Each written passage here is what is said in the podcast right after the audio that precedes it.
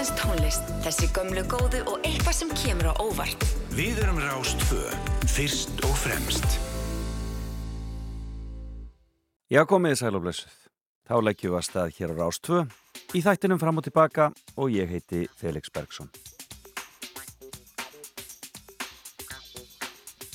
Já, ljúur ljóðutasmorgun í höfuborginni. Það vantar ekki.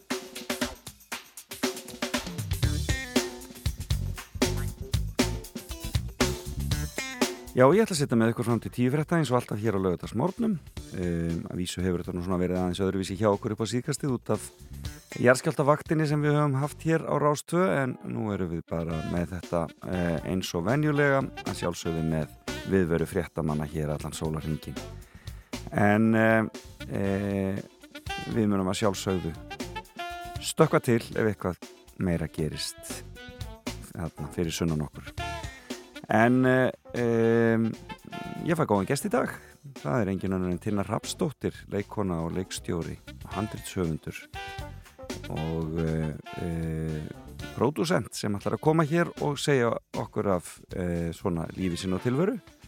Hún kemur í fimmu og það verður spennandi að heyra hvað hún hefur fram að færa fyrir okkur. Nýja serían hennar sem heitir Heima er best að gera það gott á sjómarfi Símans. Og svo eftir e, nýfrétnar þá ætlum ég að ringja í Hafnafjörðin herinni Lauvei Eliastóttur vegna listmarkaður í heimahúsi, svolítið skemmtilegt. Það, það menn svona eru komin í það að, að vilja færa þetta nær uh, kúnanum og um, já, vestla í heimabið reyna að já um, já, við, við heyrum bara í laufu eftir hvað, hver pælingin er á bakvið þetta allt saman heyrum betur af því hér eftir nýju og svo ætlum við bara að spila skemmtilega stónlist og hafa það skemmtilegt almennt.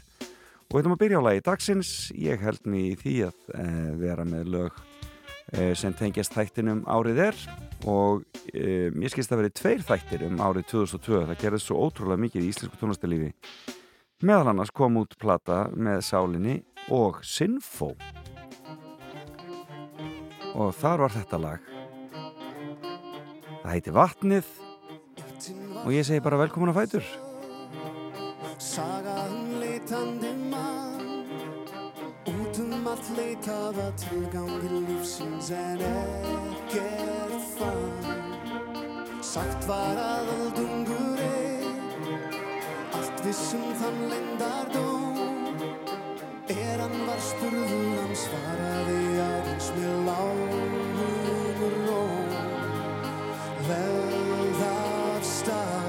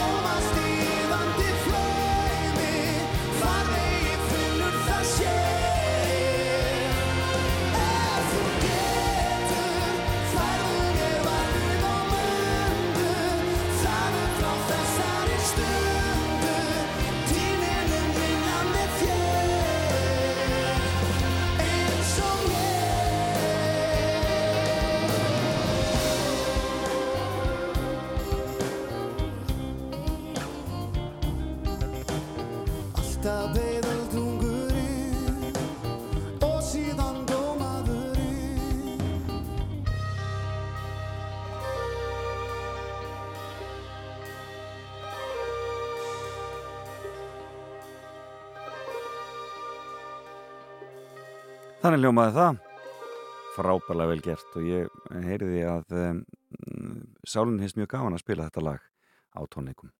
En við skulum fara að heyra í Tinnur Hafstóttur. Byrjum á nýlegu lagi frá Diljá, það heitir Say My Name og svo förum við Tinna að rappa. Pretty baby There's something different about your touch Way you sound, the way you talk. You make me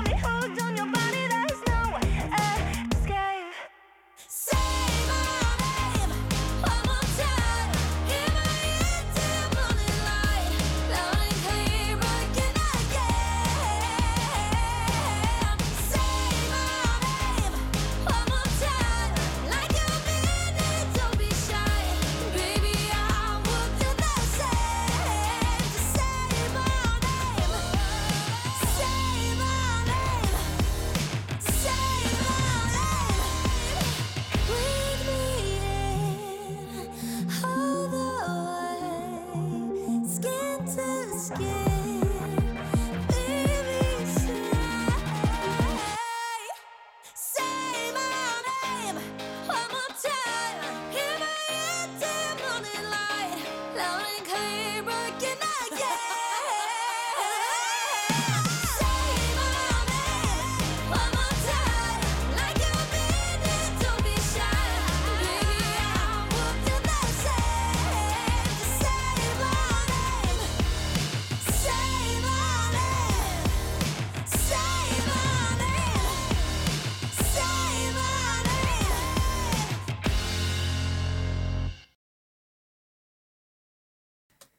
Já, við erum að hlusta á Diljá og þetta er nýja lagi hennar sem heitir Say My Name, flott söngkona þarna á ferðinni. En þá er gestu dagsins sest hjá mér. Tinna Hrafsdóttir, hjartanlega velkomin.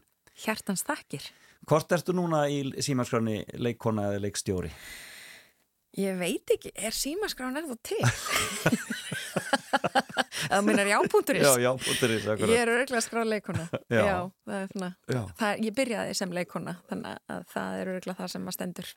En yfirleitt þegar að verið er að kynna mig einhvers staðar, þá er yfirleitt sagt núna leikona og leikstjóri. Já, og handrið sögundur. Já, og framleiðandi. Og, hérna, Og allur ég bara- bakki. Allur bak- allur bakkin. Hvernig er að taka svona stórt verkefni svo heim er best bara alveg? Er Bara, þú, þú átt það einhvern veginn frá upphæði til enda svolítið. Það er, það er áskorun. Já, mikil áskorun og, hérna, og ég held að það sem að kom mér í gegnum þetta allt saman var ástriðan fyrir því að, að vilja segja þessa sögu og finnast hún eiga erindi mhm, og það einhvern veginn hjálpar manni rosalega mikið þegar maður er að mæta hindrunum eða einhverju sem er flókið og, og maður ber marga hatta og svo leiðis. Það er svona ef við hjálpa mér einhvern veginn að hafa þessa trú mhm, að því að sko alveg sama hvað þú tekst á eh, tekst á við í lífinu þá einhvern veginn sko ef að, ef að þú hefur trú á því, því sem þú ert að gera þá kemstu vonandi eða meiri líkur að þú komist á leðranda skilur nákvæmlega. Og þó að kannski engin annar sjá það sem ég sé þá einhvern veginn verði bara fylgja minni sannfæringu og, og hérna, treysta á það að, að þetta sé eitthvað sem skiptir máli fattari, Já. og svo kemur það náttúrulega bara í ljós. Akkurat, hver leikstýrið þér til dæmis í senunum sem að þú leikst í?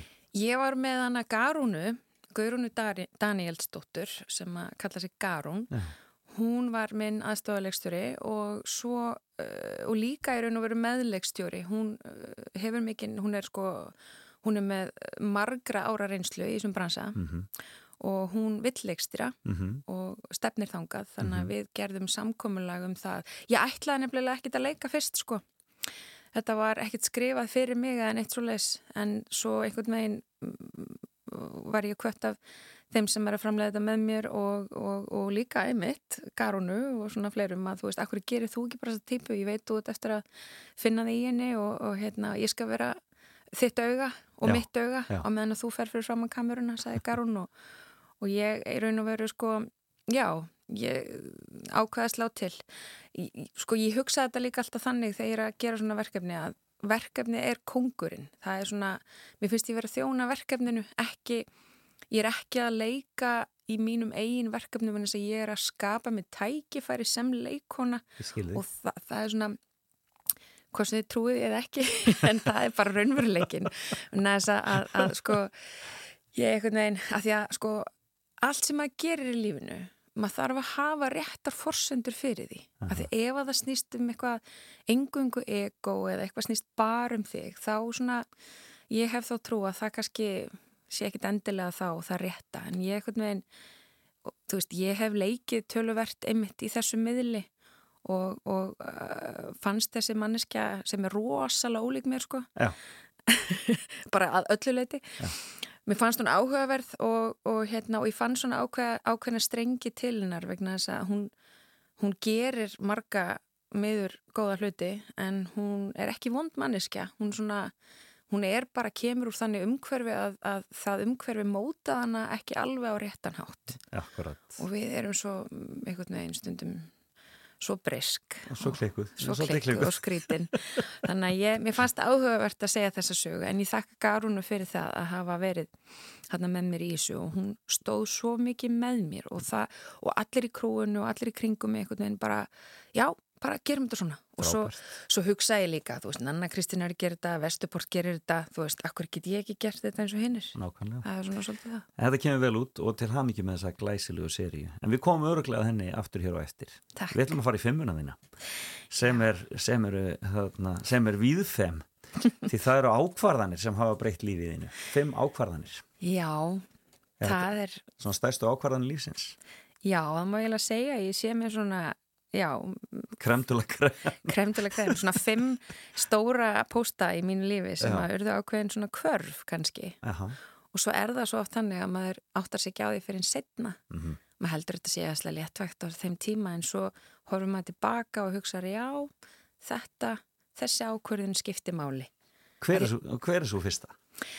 Svo fyrsta er þegar ég ákveða að fara í inntökuprófi leiklisskólan Já. 2000, nei, 1998 Guðmur Já. góð, maður er svo gamal 1998 Já, svona líður þetta. Svona sko. líður þetta þá hérna þá, ég nefnilega er ólík mörgum sem að enduðu sem leikarar ég ætla aldrei að verða leikona Mhm. gæti ekki hugsa mér að, að feta sömu spór og bæði frænka mín Tinna Gunnlaugsdóttir og amma mín Hertís Þorvaldsdóttir heitin uh, fetu. Og hérna að því að ég einhvern veginn, eh, það voru svo margir að spurja mig þegar ég var yngri, ætla þú ekki eins og ammaðinn og ég einhvern veginn þó að ég sé óskaplega og var og er ó- óskaplega stolt af henni ömmu minni þá Og líkani. Já, einmitt, líka líkani þá hugsaði ég, já, nei, ég ætla bara vera eitthvað annað, Akkurat. ég ætla bara að feta minn eigin veg og, og vera eitthvað öðruvís og kannski líka vegna þess að það reyndist mér alltaf rosalega erfitt sem bæði úling og batni að, að eiga svona frækt fólks í minni fjölskyldu. Já. Mér varst aðtiklinn ekki skemmtileg. Nei, ég skil þig. Nei, þú veist, ég er svona það að vera eitthvað frægur hefur aldrei verið eitthvað svona sem ég finnst áhugavert að vera En af hverju tekur það þessa ákvörðun? Ég tek hana vegna þess að ég sagt, slesast inn í gerði eitthvað veðmál við vinn minn sem var með mér í háskólanum ég nefnilega eftir stúdent þá fór ég í háskólan, Háskóla Íslands Já. í hérna prófaði lögfræði að ég vissi ekkert hvað ég vildi gera Það er svo afi. eins og afi og hérna en, en fann fljótlega að lögfræðin væri ekki fyrir mig um, ég hafði ekki kannski þann, þann eldmóð sem þú þarft að hafa til þess að vera lögfræðingur, þetta er svakalega flókin ám og, og hérna þannig að ég eh, skipti yfir í bókmentafræði Já, og les mikið bækur og hef mikið áhuga á texta og hafði alltaf fengið rosa svona góður engunni fyrir reitgerðir í skóla. Ok. og einhverju kennar að sagt mér að já, þú hefur góða tilfinningu fyrir uppbyggingu og þú veist, þú kannt að segja frá. Og bara myndu þetta fyrir framtíðina, þú kannt að koma frá þér sögum, þannig að maður skilji þær Mhm. og þetta sat alltaf svolítið í mér, þannig að ég hugsaði, ok, kannski prófa ég bókmyndafræði en að sjálfsögðu hugsaði maður, hvað, hvaða praktík er á bak við það, hvað er ég að gera sem bókmyndafræði Náttúrulega ritlist en ekki komið til þannig að að það hefði ekki farið í ritlist þá ef hún hefði verið komin. Já, öruglega, Já. öruglega.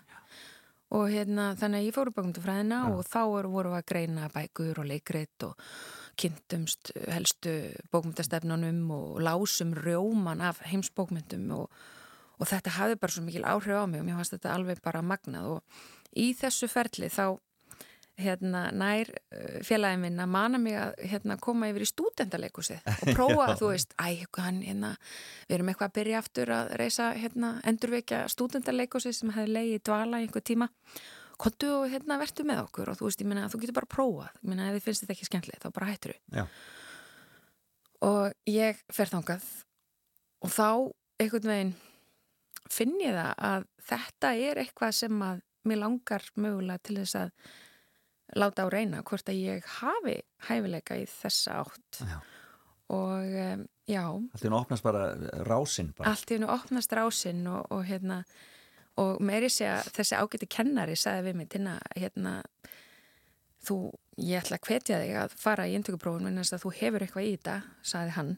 Og ég hugsaði, vá, það verður enginn sagt þetta við mig á öðrum forsendum en ég væri bara, þú veist, badnabann ömmu. Akkurat. þannig að hérna, kannski er eitthvað til í þessu. Þannig að ég ákveð að láta slag standa og fara í inntökuprófun en saði engum frá því.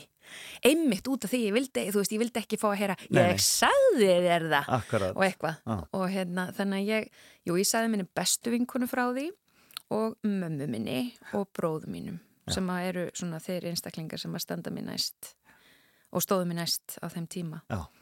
en tók lofaraðum að segja ekki neinum öðru frá þessu. Nei, þannig að þegar að þegar að hérna að, að niðurstaðan kemur og ég kemst inn þá kom það mörgum á óvart og, hérna, og þannig vildi ég líka hafa það. En, en þetta var svona ég er svo fegin að hafa látið slag standa vegna þess að, að sko, ég ákveð líka bara ok, nú taka forlaun við. Ég, ef ég kemst þarna inn þá er mér ætlað, ætlað að komast ángað inn. Ef ekki, þá er ég alveg sátt. Þú veist, ég, ég var ekki hrætt við höfnunina. Nei, nei, akkurat. þú veist, það er svo margi sem ég veit sem að jafnvel bara þó ekki fara í prófun minnst þú hrættir, þeir eru svo hrættir við höfnunina. Mm Akkurat. sem ég skil En naustu lífsins í skólanum? Já og nei, bæði. Það var svona, ég veit ekki, ég er svona, hvað maður að segja, það var, það var svona margt í náminu sem ég kannski, ég, ég veit ekki, sem að var svona ennþá nokkurn veginn svona í mótun fannst okkur Já. Þú veist, ok, nú er að koma næsta námskeið og það er ekki neitt laus til að kenna það það er verið að að finna einhvern hvaða leikar er á lausu. Eða, veist, það, það var svolítið svona umræður á þeim tíma, þetta var áður en að varð sem sagt, listaháskólinn, það Já. var hér leiklisskólinn þegar ég var aðna, Nei, nei. helmingin af mínum tíma þannig að, jú, það var svona bæði og ég, ég svona, ég var líka það hafði raun og veru kannski mest megnis með sjálfa mig að gera, að á þessum tíma þá var ég rosalega lítil í mér og feimin Já. og, og, og tilbaka sem að maður á ekki að vera þegar maður er í leiklisskóla. Maður á að vera bara útofnunni og Já, gefa allt af sér og, og ég einhvern veginn svona já, ég hérna ég þorði einhvern veginn ekkert alveg að að svona alveg bara standa með sjálfur mér og bara gefa allt sem ég gætt gefið. Og ég man alltaf eftir því til dæmis að þegar ég fekk, var að útskrifast eftir, þessi- eftir þessi fjögur ár þá fekk ég umsögn frá einum kennarunum og hann sagði við mig og ég gleym svo aldrei hann sagði, veistu það Tina, og auðvitað vill maður fá umsögn sem er bara, heyrðu þú bara frábær út framtíðina fyrir þér og er bara allt geðveikt og eitthvað. en hann segði mig, nei, veistu það Tina þú ert svolítið svona eins og eldfjall sem að á eftir að gjósa. Ok. Og þú heldur aftur að þér. Og, Og það þú- hefur ekki komist þú hefur ekki náðu að gjósa í þessu námi. Og ég bara, maður veist rosalega erfitt að heyra þetta, En þú vissir þetta var rétt. en ég vissi þetta var ég Já, skilur stundum þannig. ég raun og veru gaus ekkert fyrir setna Þannig, hérna, en, en, en að taka þessa ákverðun að, að láta í raun og veru sagt, eh, hvað þú kemur og hverja manna þú ert ekki hafa áhrif, heldur bara standa með sjálfur þér það er svona fyrsta ákverðunin sem að hafði já, svona mjög svona dra drastiskar afleðingar í mínu lífi en eftir á higgja þá held ég hefði haft gott að ég fara erlendis Já, læra einmitt, úti Já. að því að sko Það er bæði, auðveldar að sleppa sér þar kannski. já, að því þar þekkir maður, þekkir mann enginn og, Mhm. og einhvern veginn svona já, þá, ég hefði líka bara haft gott að því bara til þess að byggja mig upp og, og finna meira sjálfstæði, Ég skilði. þú veist, ég var svolítið svona sem ég segi, svona voðalega eitthvað meðvituð um hvað fólki fannst um mig og Já, hvernig ég akkurat. væri og eitthvað sem er náttúrulega mjög margir á þessum árum en þú veist Ég er kannski svona í starra veldi á, það- á svona Já. í ljósi fjölskyldunar. Já, í ljósi þess sko og það er ekki gott En hver er næsta ákvörðun? Næsta ákvörðun er, hún er svolítið skemmtileg, Já. vegna þess að hún er tekin fljótlega eftir í útskrifast Nú. 2002. Já. Þá er ég bóðið í pröfu í söngleik, barnasöngleik sem heitir Benedikt rétt. Gunnar Gunnsteinsson leik, nei, ekki, hann leikstyrði á sinn tíma og hann ringir í mig og, og hann segir, herðu Tina, þú, varst að útskrifast, um, ég er að fara að setja upp barnasöngleik og, og getur þú sungið? Já, segi ég. Þú veist, maður er búin að vera í einhverjum kór og einhverjum söng, Einmitt, söng í skólanum og eitthvað. En hvað segir maður ekki til þess að fá tækifærið? Bara, Nákvæmlega. Jú, jú, já, jú, jú, alveg, bara fín sko. Herði, ég ætla að fá í pröfu fyrir hérna, uh, fyrir hérna álfadrottninguna sem er bara svakarilla og Já. rosa söngur, einsöngur og veit ekki hvað og hvað og ég bara, já, herði frábært, geggjað, ég, ég er til í það og æfði mig heima og æfði og æfði og æfði og æfði og bara reynda að gera þetta svel og ég gat og eitthvað og fer í þessa pröfu og hérna og svo er maður ekki dómbar á sjálfa sig. Mér fannst ég alveg bara að gefa allt í þetta og bara, jú, jú, ég, þú veist held lagi, held ég, vonandi, eitthvað. Og hérna svo veit ég ekkert fyrir hann hann ringir aftur og segir, hæ Tina mín, herðu til miður, bara ég, ég, já, ég get ekki bóðið hlutverk á lótdrottningarinnar og það var svona fyrsta, Já. og eitthvað, við ætlum að fá hana hérna Selmu Bjöst til þess að leikana og ég alveg bara hugsaði, Selma getur sungið miklu betur en ég og er bara geggjuð þannig að ég alveg bara, ok, ok Já. en hins vegar, sagðan ég er með svolítið annað fyrir þig sem ég langar til að bjóða þér og ég bara, hvað er það? Er það Didi? Er það aðalutverkið? Hún syngur líka, þannig að byttu við, byttu hvað er það? Nei, það er tannálfurinn. Tóti tannálfur og ég bara, oh my god, í alvörinu og mér fannst þetta svo hræðilegt. Bara úr, og bara, þú veist, að rinja úr því að vera kannski mögulengur álfadrottning yfir einhver tannálf og ég bara, ökkunni, hérna, já, um, já, já. takk fyrir það, takk fyrir tröstið, ég ætla, ég ætla aðeins að hugsa þetta. Já. Og svo er maður svo astanlegur á þessum árum að því þá er einhverju búin að segja við mig þú eru að passa rosalega vel sko hvaða hlutverk þú tekur fyrst eftir útskrift sko því það mun svolítið svona móta þig og, og hérna og þetta er pínu lítið hlutverk þú veist að tannalvurinn á einhverja tvær senur eða þú veist tvær og halva Akkurat, og hérna en, en þannig að ég svona en það er svo gaf, ég hlæði svo að þessu eftir á vegna þess að maður, maður er svo astnalegur þú veist, auðvitað bara geggjað að fá bara hlutverk og bara Akkurat. vera með Akkurat. En að því að mér bauðist þessi álfadrottning þá fann það vart eitthvað eins og þetta væri eitthvað svona fall Já. en hérna, og ég hugsaði þetta og ég talaði mitt við hérna, hérna bróðu minn Mhm. sem er rosalega mikill minn svona helsti ráðgjaf í lífinu Já. og hann sagði hérna veist þetta það getur bara vel verið að þetta hlutverk muni skila þér meiru bara svona, þú veist, heldur en kannski alveg drottningin, vegna þess að þetta er karakter og hann er svona öðruvísi þú veist, þetta er Þetta er, mína, kannski bara, bara nærðu þeim þetta sína einhverja nýja hlið á þér sem enginn veit að er til eitthvað, bla bla bla. Ja. Og svo er þetta líka bara, verður bara með og verður bara trúða á þetta. Gerðu bara tannálfin skemmtilega Já. og þá fyrir þetta allt vel. Og ég þurfti að heyra þetta og ég bara, ok, það er rétt hér ég ætla að hætta að vera svona astnaleg og ég þáði hlutverkið og svo var þetta svo ótrúlega skemmtilegt.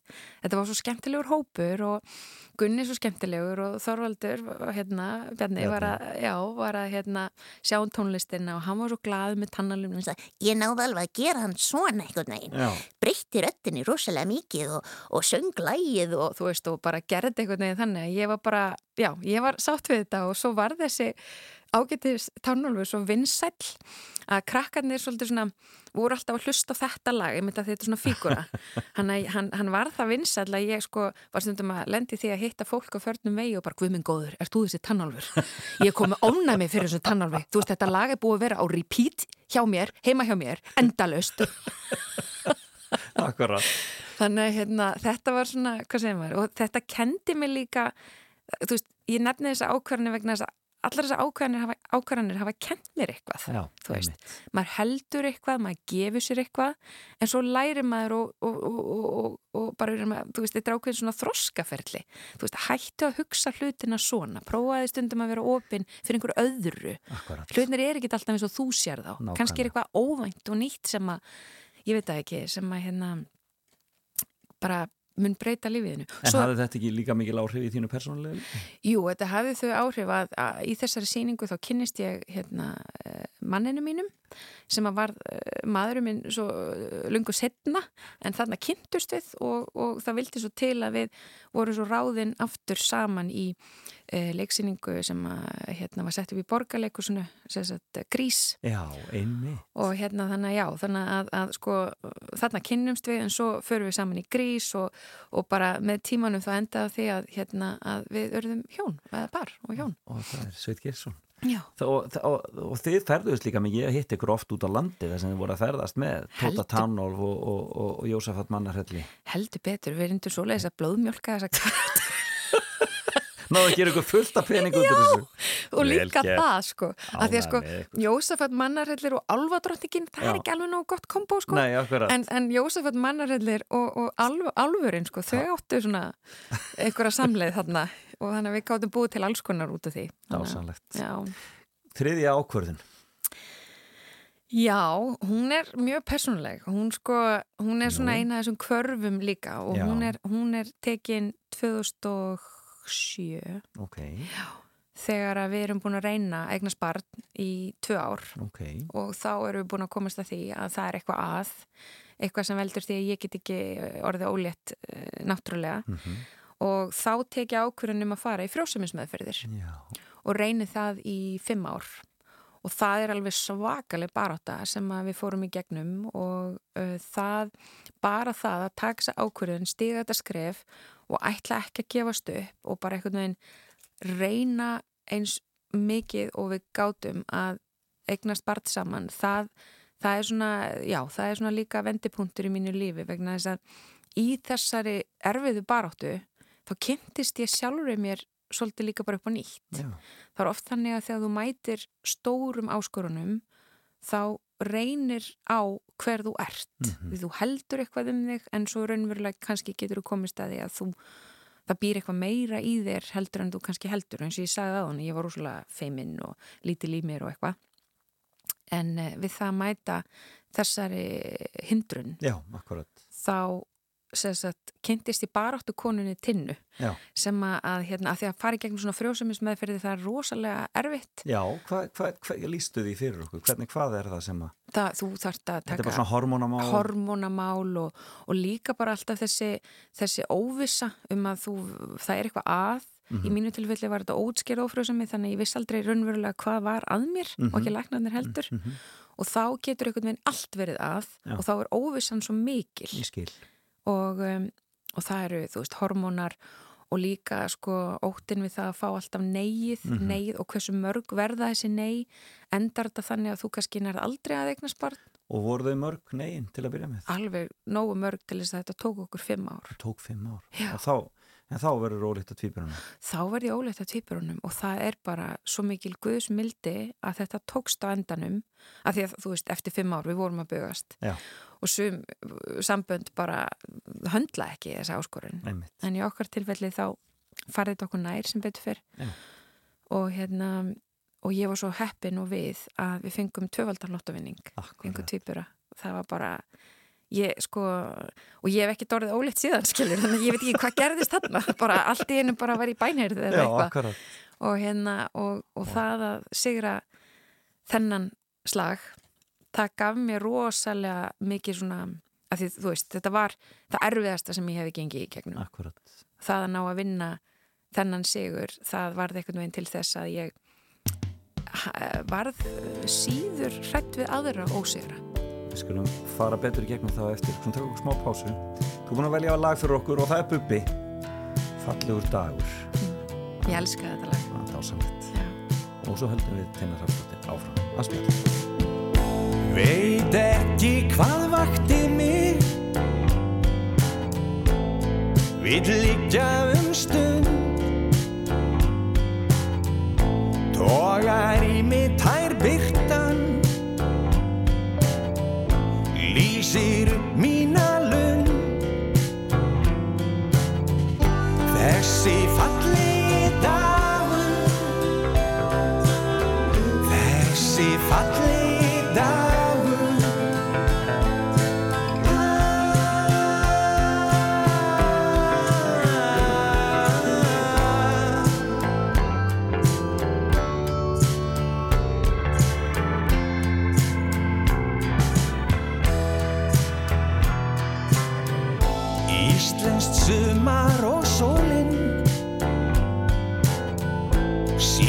þér sitt lag. Þú gengur glöð út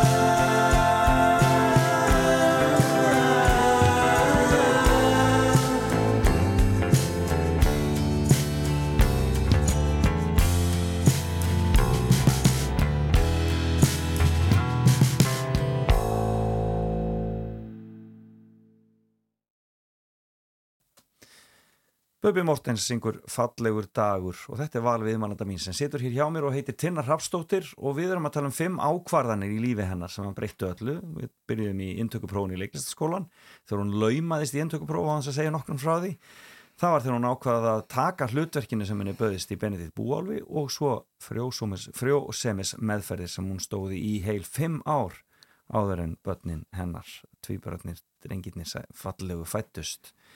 Þeirna, e, já þeir eru þá kvarnir 12 ára núna, Þeir eru- 11-12 ára. 11 ára, verður 12 ára næsta ári Ó, dásamlegt.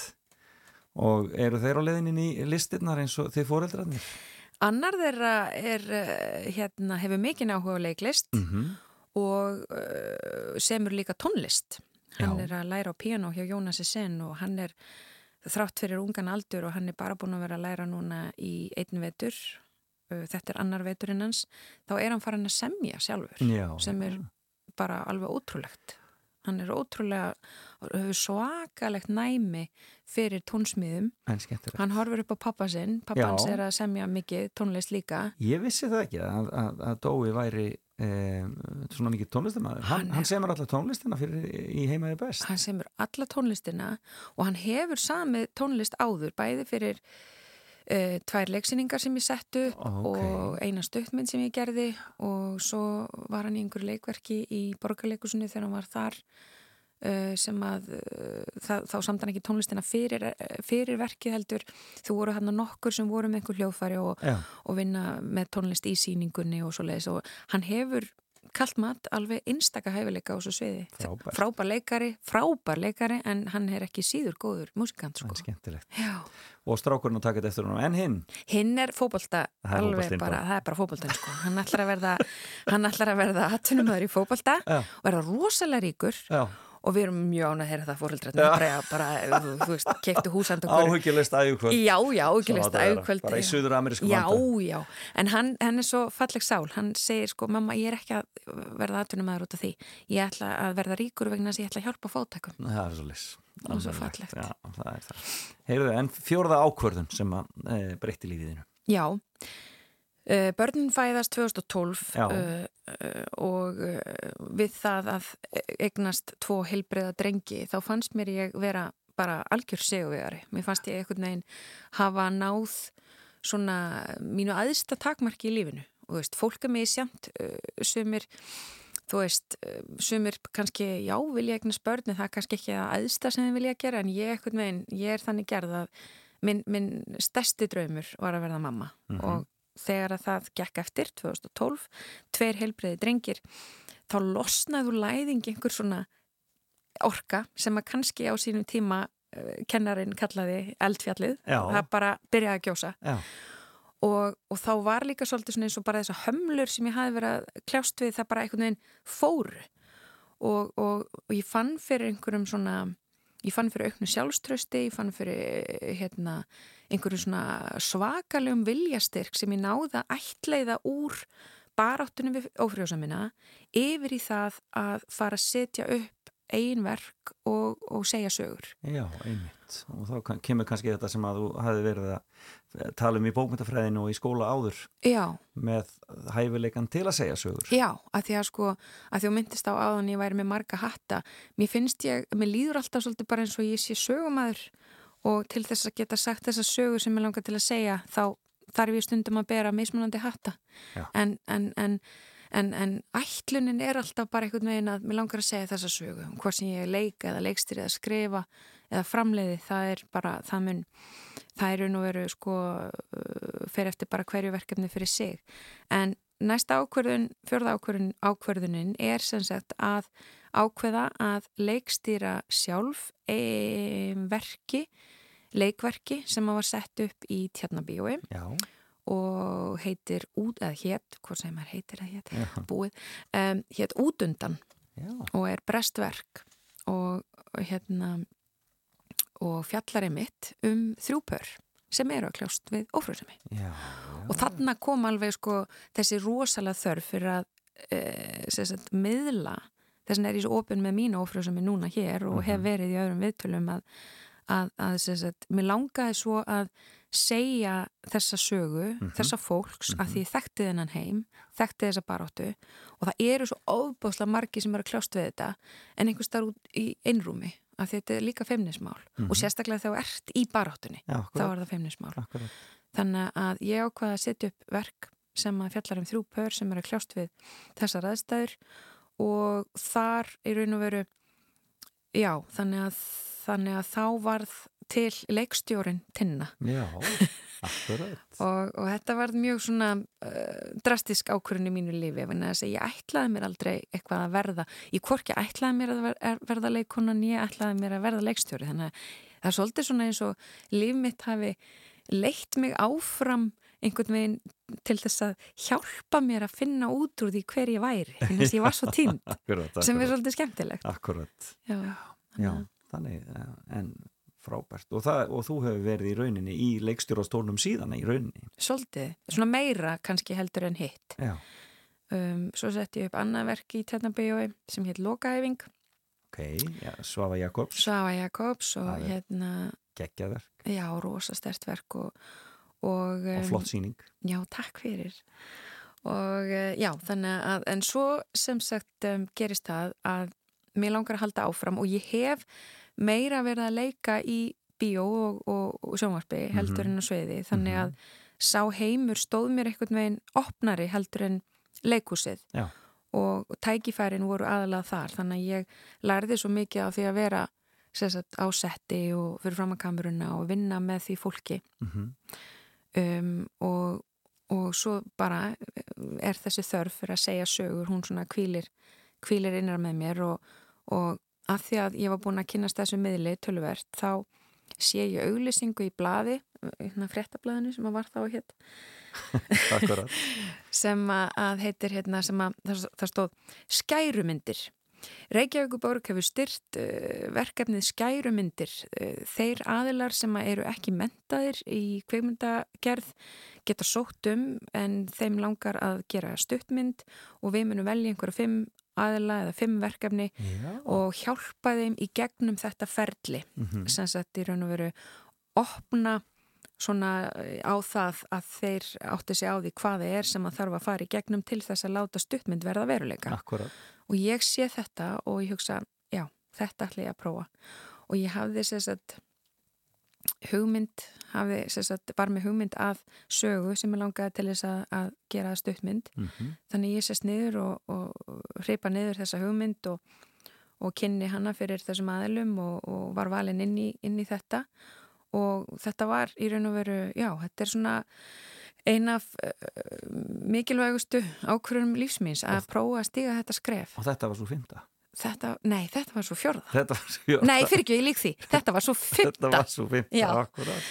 Og hérna, já, þetta er svo fymta þannig að það þannig að ákvörunin að stiga það skref að leikstýra í kvimundaheiminum Akkúrat. fæðist þarna. Og þetta var alveg ótrúlega merkilegt í raun og veru að, að, að, að fá þetta tækifæri vegna þess að, vegna þess að þau leitt okkur í gegnum þetta. Maður þurfti sjálfur að að í raun og veru bara fjármagna þetta útvega fólk og leikara og Já. tæki og tól og allt svoleiðis. En þau voru þarna til staðar til þess að e, leiða mann í gegnum ferlið. Skærur. Skærumyndir. Þetta var aldrei verið haldið síðan. En Þetta var bara eitt skipti, ótrúlega magnað og virkilega svona, eins og ég segi, það er svona, þetta var, uh, opnaði fyrir mér þessa dyr. Og svo dreifi mér á námskeið í endumöntun Háskóla Íslands uh, þar sem ég lærði að skrifa kvimdahandrit Já. hjá Átna Ála, heitnum og Hafsteini Gunnari, leikstjóra. Þeir voru með frábært námskeið þar sem að þeir mitt fóru með okkur í gegnum það ferli að hvernig maður, hvað maður þarf að gera til að skrifa kvikmyndahandrit. Þannig að já, ég er svona, fór minn, mína leið, minn skóli var svolítið svona óheðbundin, svona mi- mín skemmtilegt. kvikmyndaskóli.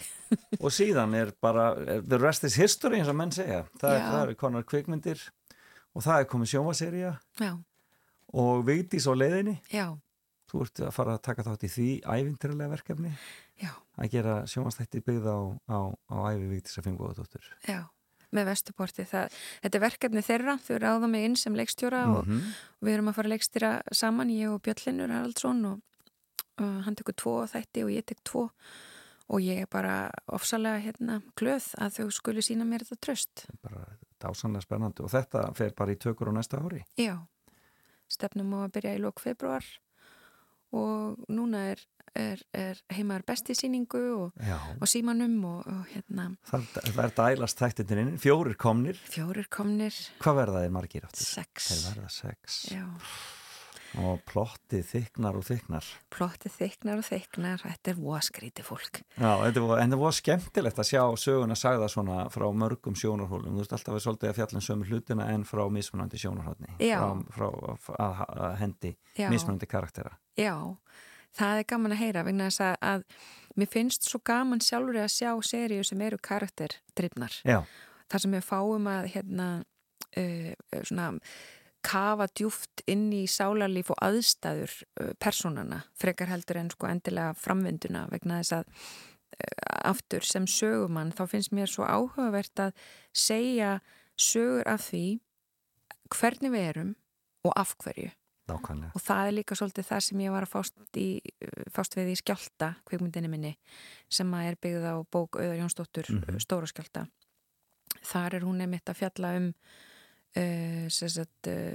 hana sögu sem er einstaklingur sem er mjög breyskur og tekur ákveðnar ákvarðanir lífinu sem eru þannig að, að við svona já, við þurfum að fá að skilja af hverju hún er eins og hún er og, og mér finnst bara það svo áhugavert sjálfri í lífinu að, og ég svona svolítið sjálf fór í gegnum uh, það ferli í mínu persónulega lífi að ég svona fór í ákveðna sjálfskoðun Já, vildi svona skoða það af hverju ég væri breysk á þennan hátt en ekki Mhm. hinn og af hverju ég væri sterk þarna, af hverju ég væri veik þarna og þá er það svo mikið bara umhverfi sem að maður sprettur úr sem að mótar mann og það getur verið rosalega margt jákvætt og gott sem kemur úr því en líka erfitt ok. og flókið en eina leiðin til þess að verða betri manneskja sem við erum alltaf að reyna að verða það er að skilja og það er að skilja af hverju þú raun og veru hagar þér eins og hagar þér og, og hvaðan það kemur og hvaðan það sprettur og það er eina leiðin til þess að, að sko geta kannski já, haft stjórn á því og, og gert betur næst og það er, þess vegna er heimað best um svo breyst fólk og þau eru svo skrítin en þetta er allt gott fólk þau meina vel en, en, en lífið Ráða kannski ekki alveg við það bara. Nei, ráða kannski ekki alveg við það og svo náttúrulega eru hinni tveir þættinir eftir og, og, og hérna Ég get ekki beðið. Nei, Ég get ekki beðið. Eh, en, hérna, en eins og ég segi, þú veist, ég, ég hef mikinn áhuga á þessu að svona rannsaka mannfólk og, og personur og gjörðir og af hverju við erum eins og við erum. Haltu því áfram Tina Hrafsdóttir. Kæra þakki fyrir komuna. Takk, Í fram og tilbaka. takk.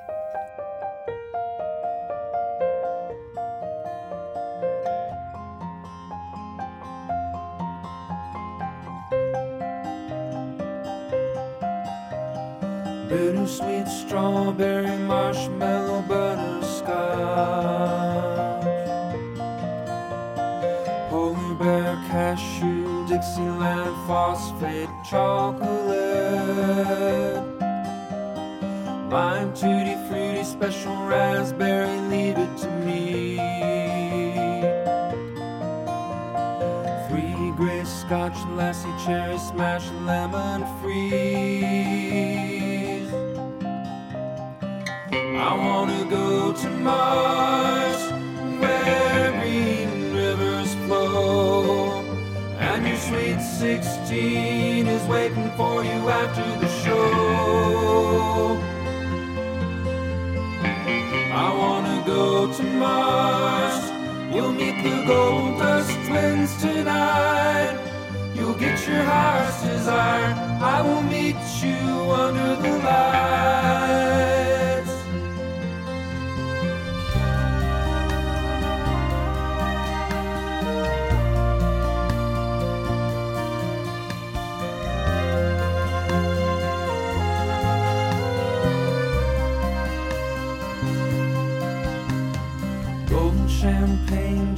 grapefruit lucky Monday. High school football, hot fudge, buffalo, tulip Sunday. Almond caramel, frappe, pineapple root beer. Black and white, big apple, Henry Ford, sweetheart, maple tea. Þetta er John Grant að syngja og uh, það klárar viðtalið við hana Þínur Hrafstóttur en uh, þetta lag mun koma við sögum í heimaði best fyrir en varir en uh, við förum í nýju fréttir og svo höldum við áfram í fram og tilbaka You'll meet the gold dust twins tonight. You'll get your heart's desire. I will meet you under the Mikilvægur hluti af menningarlífi landsmanna. Tónlist, frettir, dægurmál og viðbörðir. Við erum Rástvö. Fyrst og fremst. Já, við hefum leika nýju í fram og tilbaka með Tapatíkaras. Nýttlar reym sem heitir Tekinu.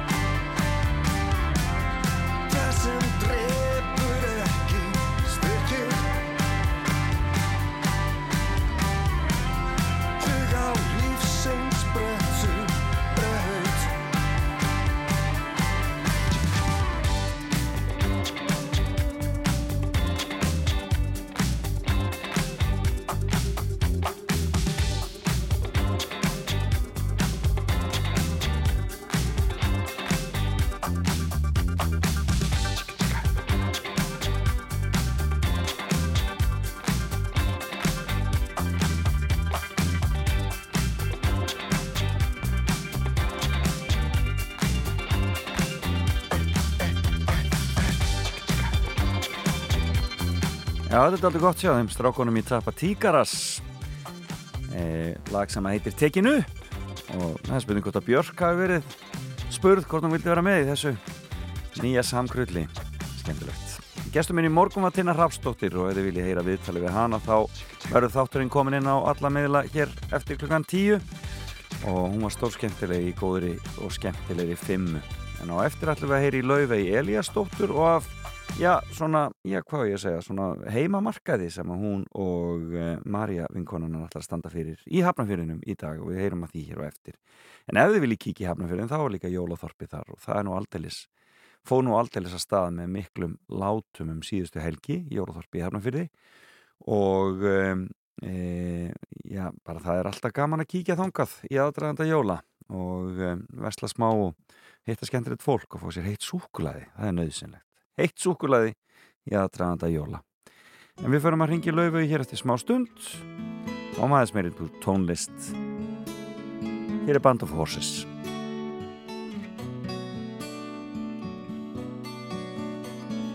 Biding of time, getting stuck in my mind as a boat to roll.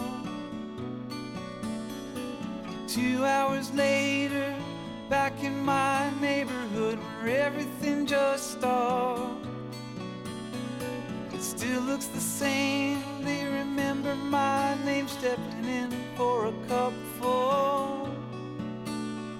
There's a big city man, I used to rumble with him back in high school. The slow,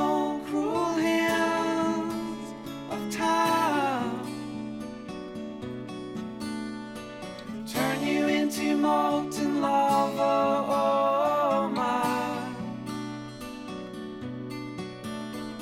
A place on the ride, you can stop for a while. Look out for the policemen. There's no street lamps, only three buildings, and one of them's vacant. It's taking all day, the pack's feeling heavy, and soon Backwards down the mountain,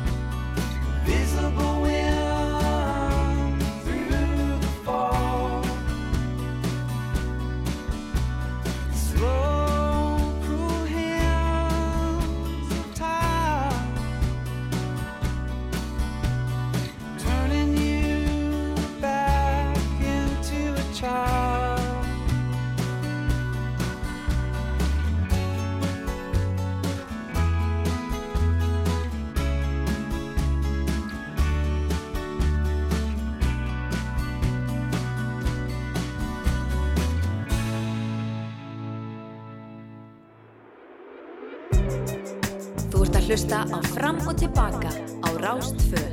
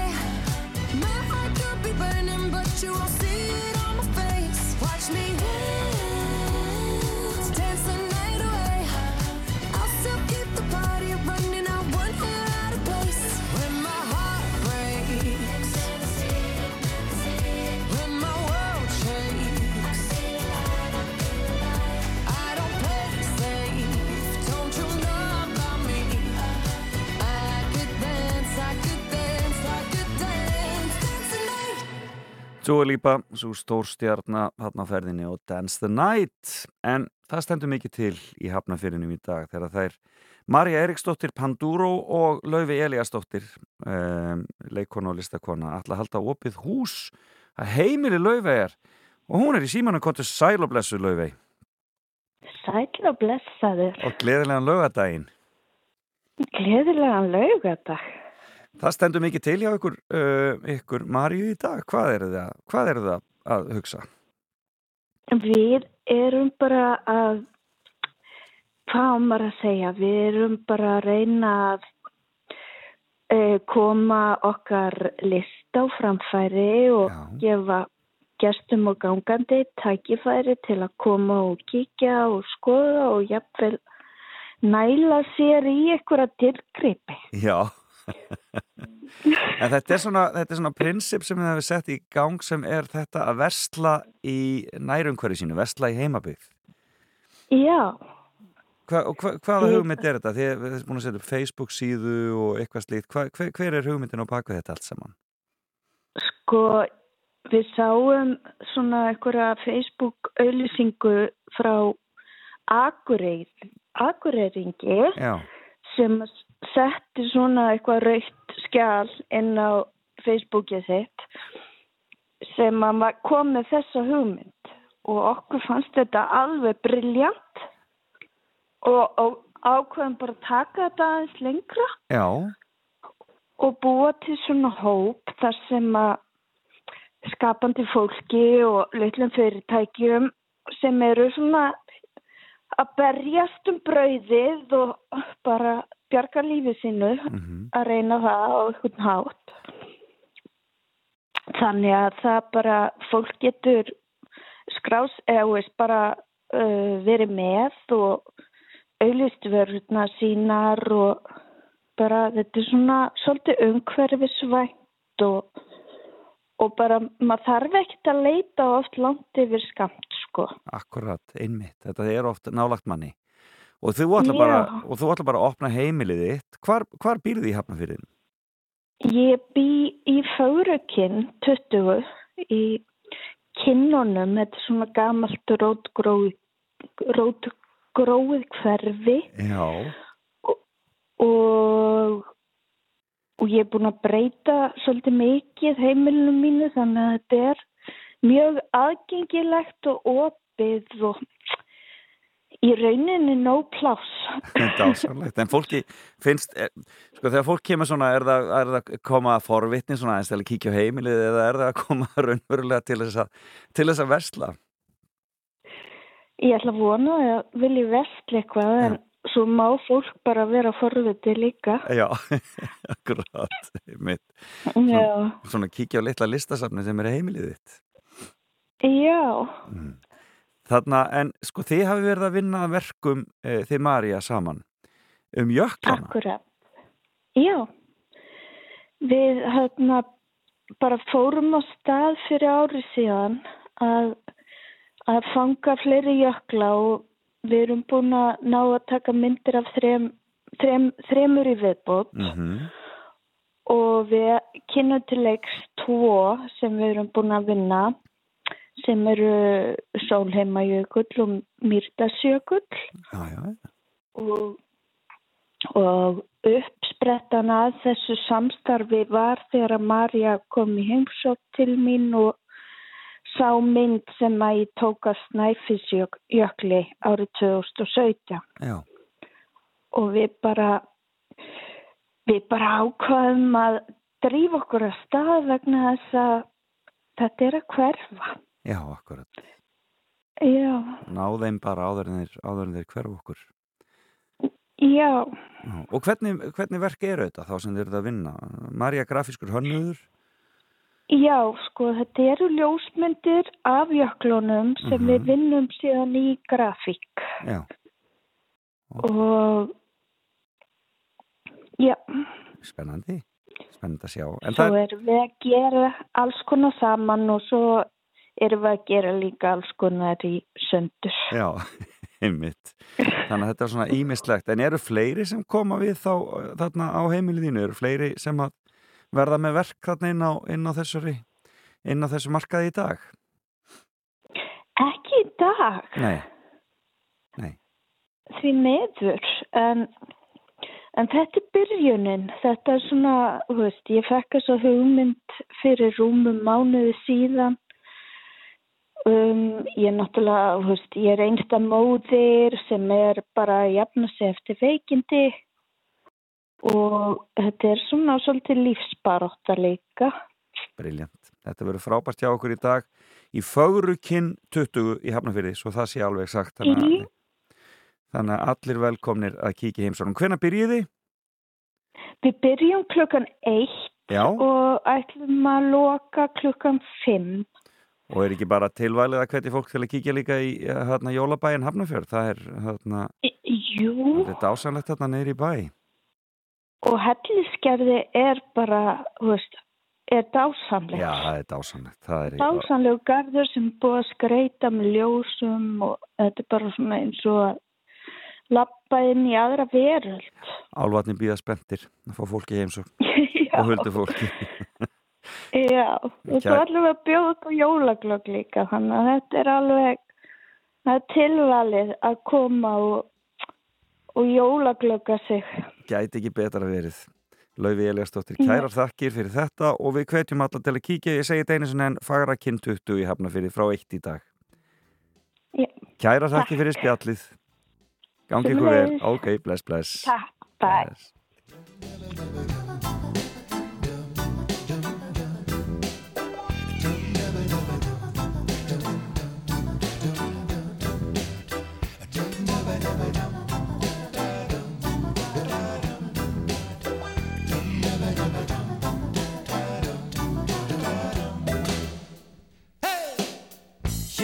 Sem þarf til að draga andan Hér er allt sem þarf til að komast að.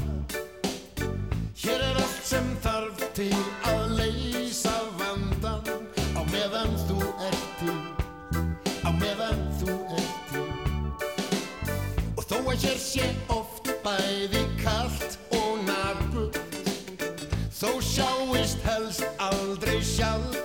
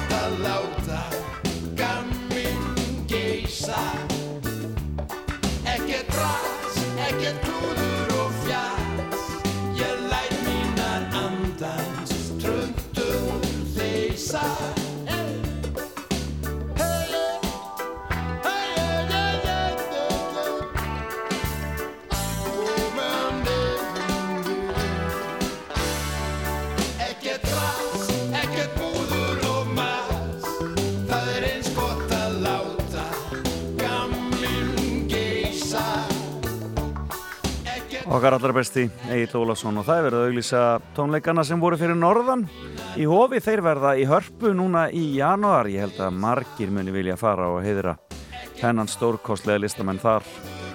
Og um, já, þar eru þau að syngja já, minnstu kosti Dittu, vissi ég og um, Eithor Ingi. Og það eru þau um, það er Sinfoníljónst Norðlands og fleiri sem standaði því þessum frábæra viðburði.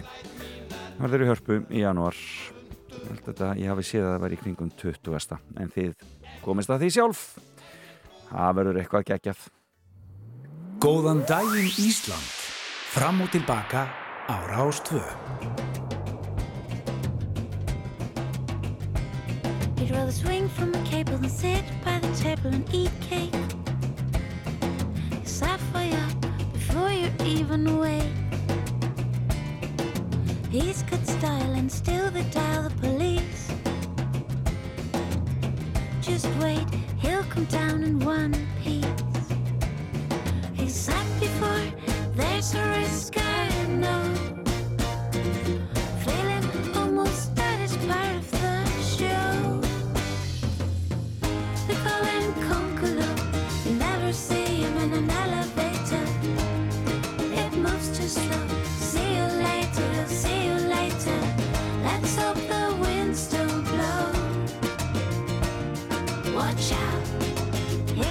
comes the Concolo.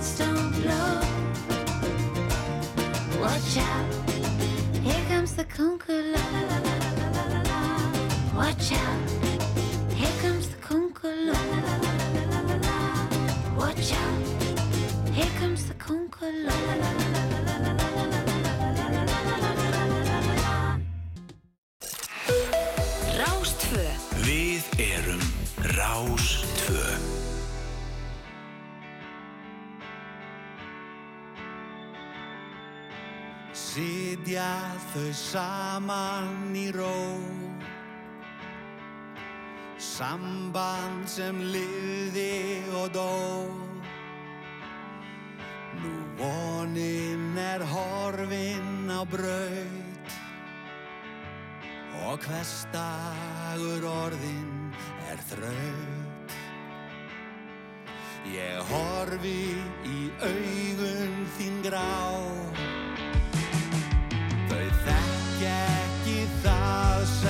sjá.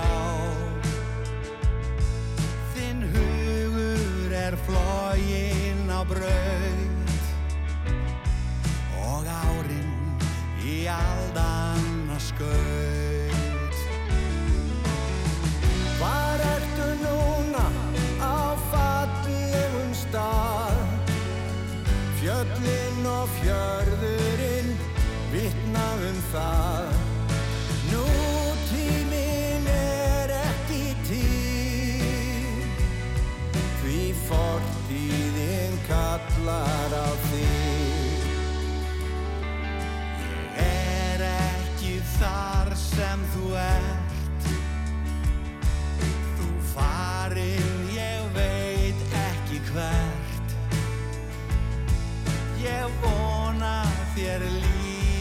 something there.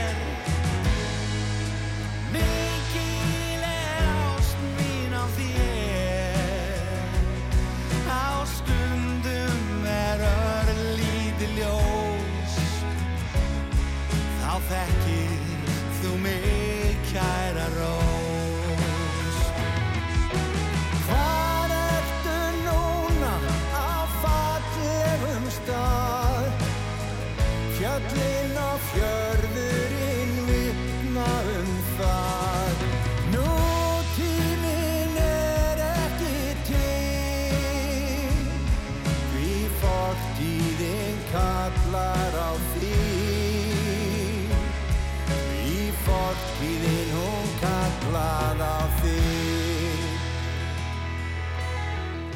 Guðmundur R. Gíslason og Bubi Mortens þarna og við dásamlega fallega lag Perla Já, þið eru að hlusta á Rást 2 og uh, þetta er þátturinn fram og tilbaka svo er það Salka Sól sem tekur við hér klukkan 10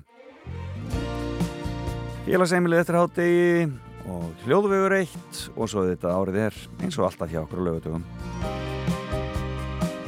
Svo fer að líða að því að um, Ammæli verið haldið hér á Rástvö, það er bara á fastu dagi næsta. Þá er 1. desember og þá hefur við 40 ára ammæli. Það verður mikið húlumæ.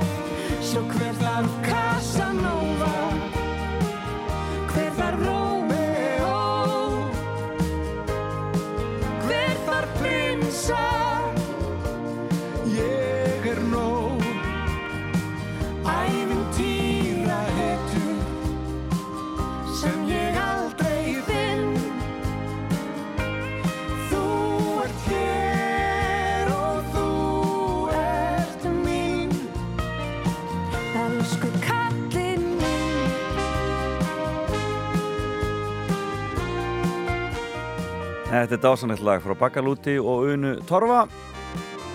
Hver þar Casanova og það var ekki bara nema fyrir að heyra segja Guma Pál segja að hann sé nóg þá ja, það gerir þetta lag. Ég er nóg. Rástvö En hér eru þeir konur Madness félagarnir. Langaðs og heyra eitt gott með þeim. Þetta er náttúrulega klassíst Koma svo.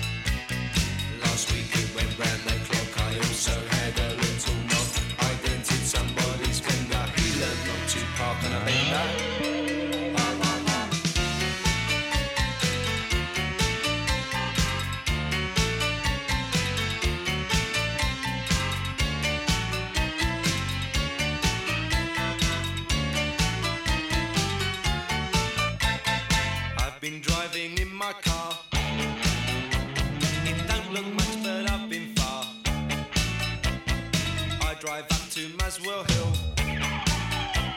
I've even been to Selsey Bill.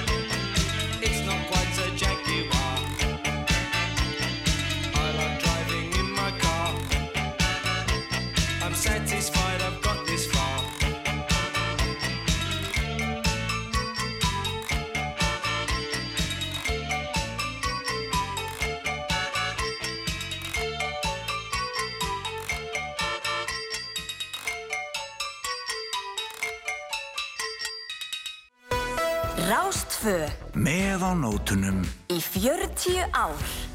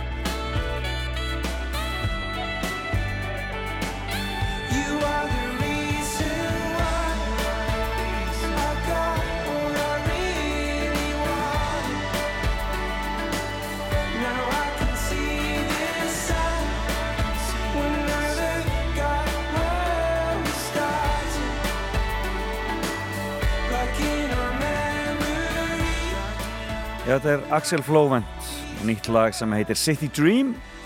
Og við erum að spila heilmikið hér á Rástvöð þessa dagana. En já, ég var að segja ykkur, það verður 40 ára amælisháttíð hjá okkur á Rástvöð næstu, já, næsta föstu dag og næsta lögadag því að þá ætlum við Marget Blöndal að koma saman á ný í sérstökum hátíðarþætti uh, Bergson og Blöndal og ætlum að vera hér allan lögadagsmorgunin með ykkur alveg frá 8 fram til hátegisfrétta og við ætlum að gera allt þetta skemmtilega sem við svona vorum að gera í gegnum tíðina hérna í gamla daga. Ætlum að um, ég verði með top 10 lista nema hvað. Og við ætlum að fara á tímaflakk. Við ætlum að vera með fréttageturinn og opna þá fyrir síman og heyra ykkur hérna úti og ég bara gera ímislegt skemmtilegt. Og svo ætlum að rifja upp líka gesti út um allt sem var þættirni sem við vorum með fyrir norðan í hofi á, á samt Hjörli Verni og, og hans frábæri hljónsveit e, og e, skemmtum okkur konunglega og ég ætla að rifja upp eina minningu hér í lokin á þessu hjá mér. Þetta er búið hjá mér í dag. Ég þakka Tinnu Rapsdóttur og Laufi Eliasdóttur kærlega fyrir spjallið í dag og ef þið viljið heyra þáttinn þá verður þetta allt komið inn á alla miðla netið og um, ég hvað heitir þetta hlaðarpsveitur hér eftir smá stund en ég ætla að enda þetta á atriði úr gestum út um allt ég rennur nút aldrei blind í sjónum ég, ég man að mér fannst þetta svo skemmtilegt. Hérna er það Eithor Ingi að syngja gamla og góða Hall og Lattalagið um Roy Rockers ég held að Hera Björg sé þarna með líka. Þetta kemur í ljós hversu, hvernig þetta verður hjá okkur. En uh, við ætlum að rifið þetta allt saman upp og hafa það skemmtilegt hér eftir viku við Marget Blöndal. En ég þakka fyrir mig í dag. Fram og tilbaka hefur runnið sitt skeið og við heyrumst aftur í sérstökum hátíða þætti að Bergson og Blöndal eftir viku. Æ, æ, æ, Takki nálinn af mér, takki nálinn af mér Æ, æ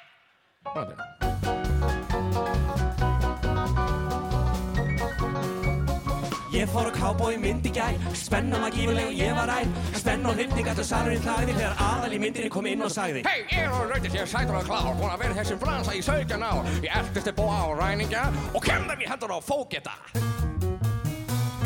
Ég er maður ekki með búa flokki Bristinn í banka og svoleið snakk. Rupp og ræn út um alla trissur. Rostungar rimlaði, fólöld og hrissur Skíti í bakinni, burstu ferðu.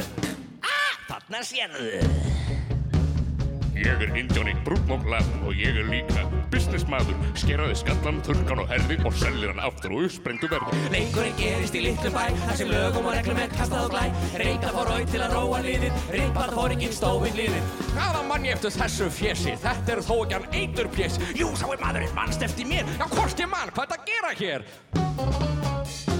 Ég er að plana með klænit brot með postvagnir ræna og þjena á brot. Hvaða ég reyna að stoppa það? Mér þetta er gaman að sjá það. Póki, póki, póksteik Við erum 30, þú ert einn. Þú eru drepin ungi svein. Svona verður það haft. Þú getur ekkert að rifið kjaft. Nú holdur þú því þetta bænd að flýja Þetta verður gata þessi mjólk og síja Þú veist ekki ég er fljótast um með framleipuna En ég er miklu flinkari með harmoníkuna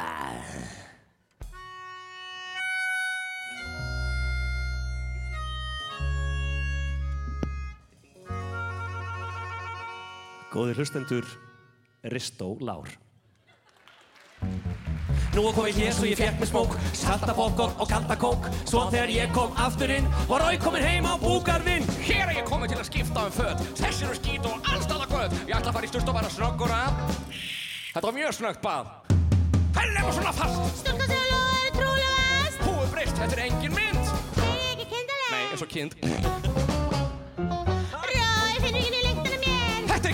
er er alltaf að þér. Nei, þessi nýjan alveg fyrirtak Á, kakla Amalja Já, þetta fyrir þér hér og nú. Ég kann maður það og hana nú.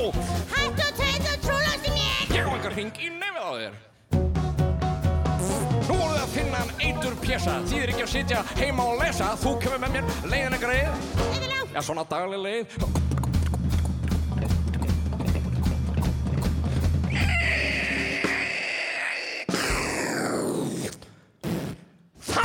loks á áfangastað.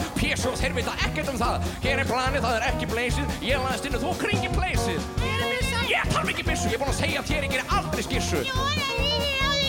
Þú kannst bara að telja þegar ég hendi þeim út Já, hvort er hérna, já, svona hérna Já, svona, æ, æ, svona hérna